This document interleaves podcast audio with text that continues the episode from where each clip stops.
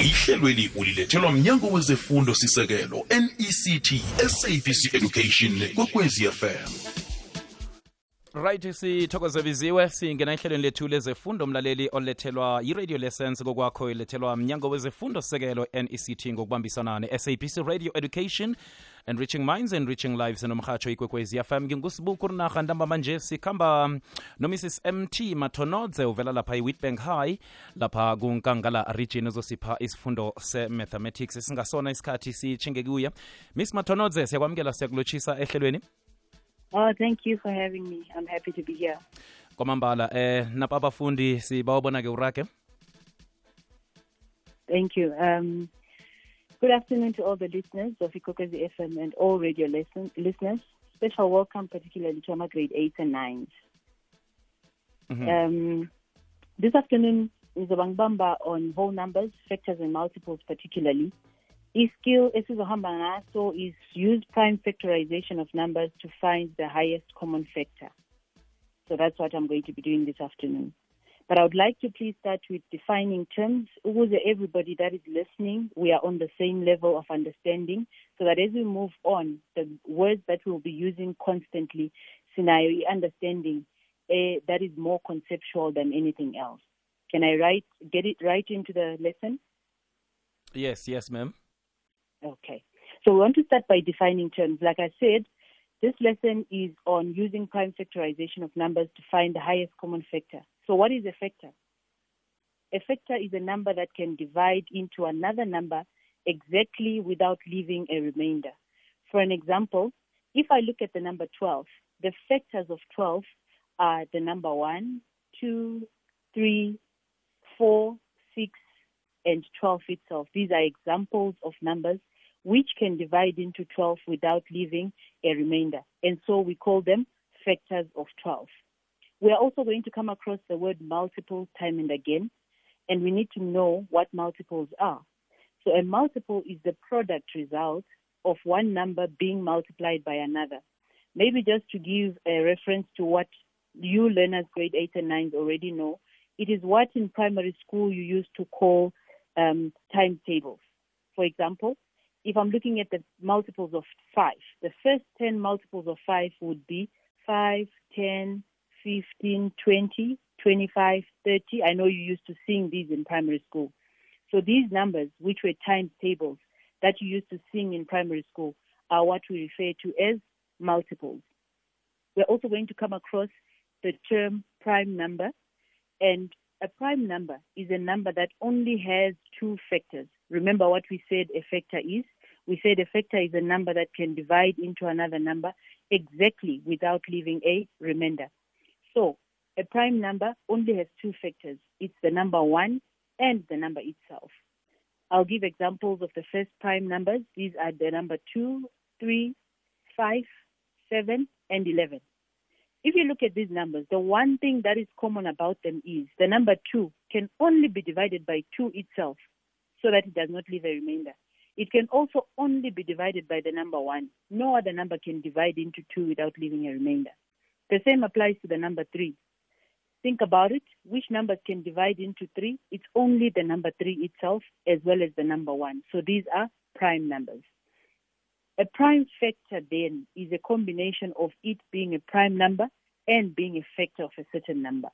So, for example, we spoke about the number 12 and we said 12 has quite a number of factors, which are 1, 2, 3, 4, 6, and 12. But amongst all of these factors of 12, there are only two prime factors, and these are the number 2 and the number 3. So, when we do prime factorization, which is our mandate for today, we are only going to be using the number 2 and the number 3 if we are to divide into the number 12.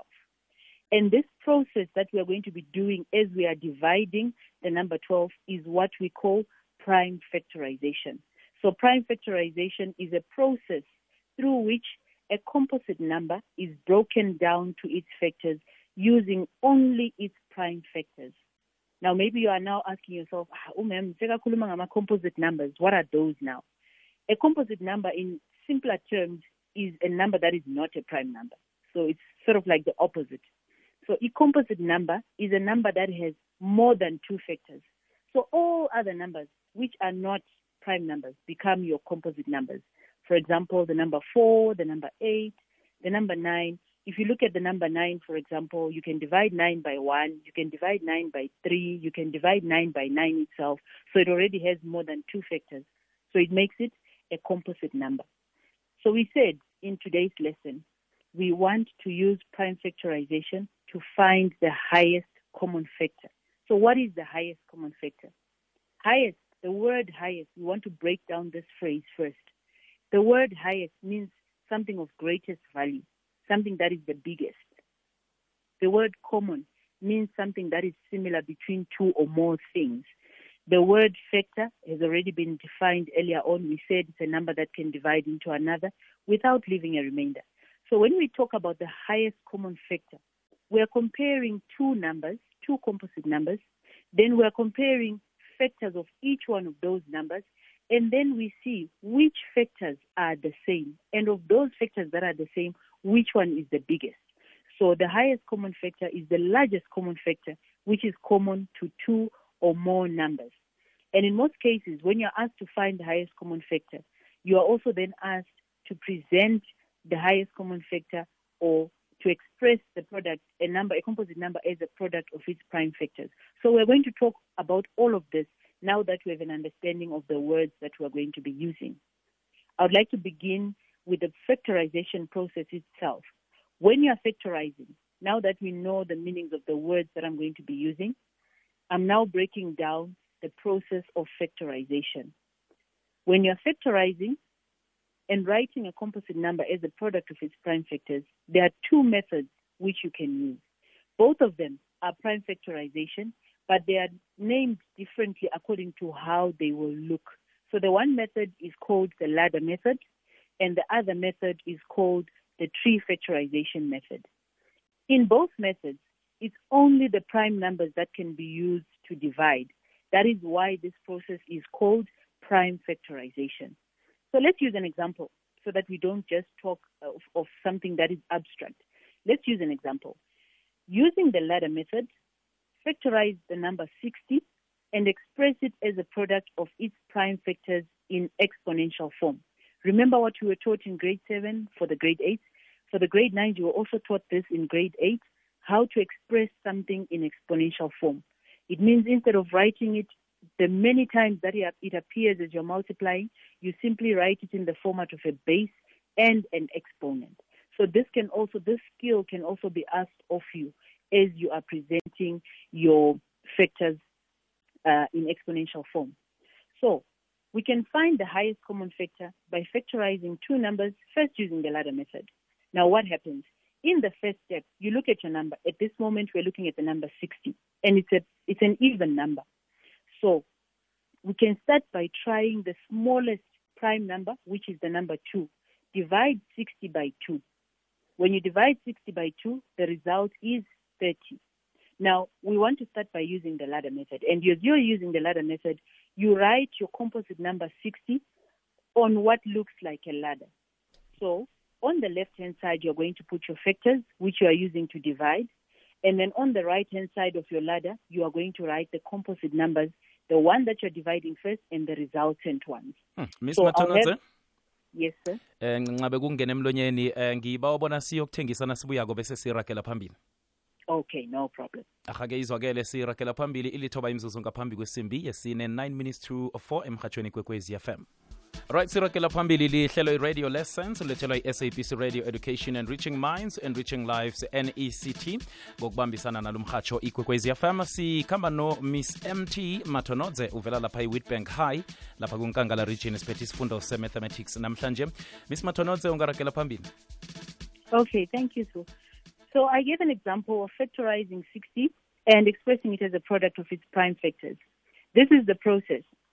We start by dividing the composite number first by the smallest prime factor, and then the resulting quotient, we write it beneath the composite number that we started with. So let's speak about um, this process in terms of numbers. The smallest prime number or the smallest prime factor of 60 is 2.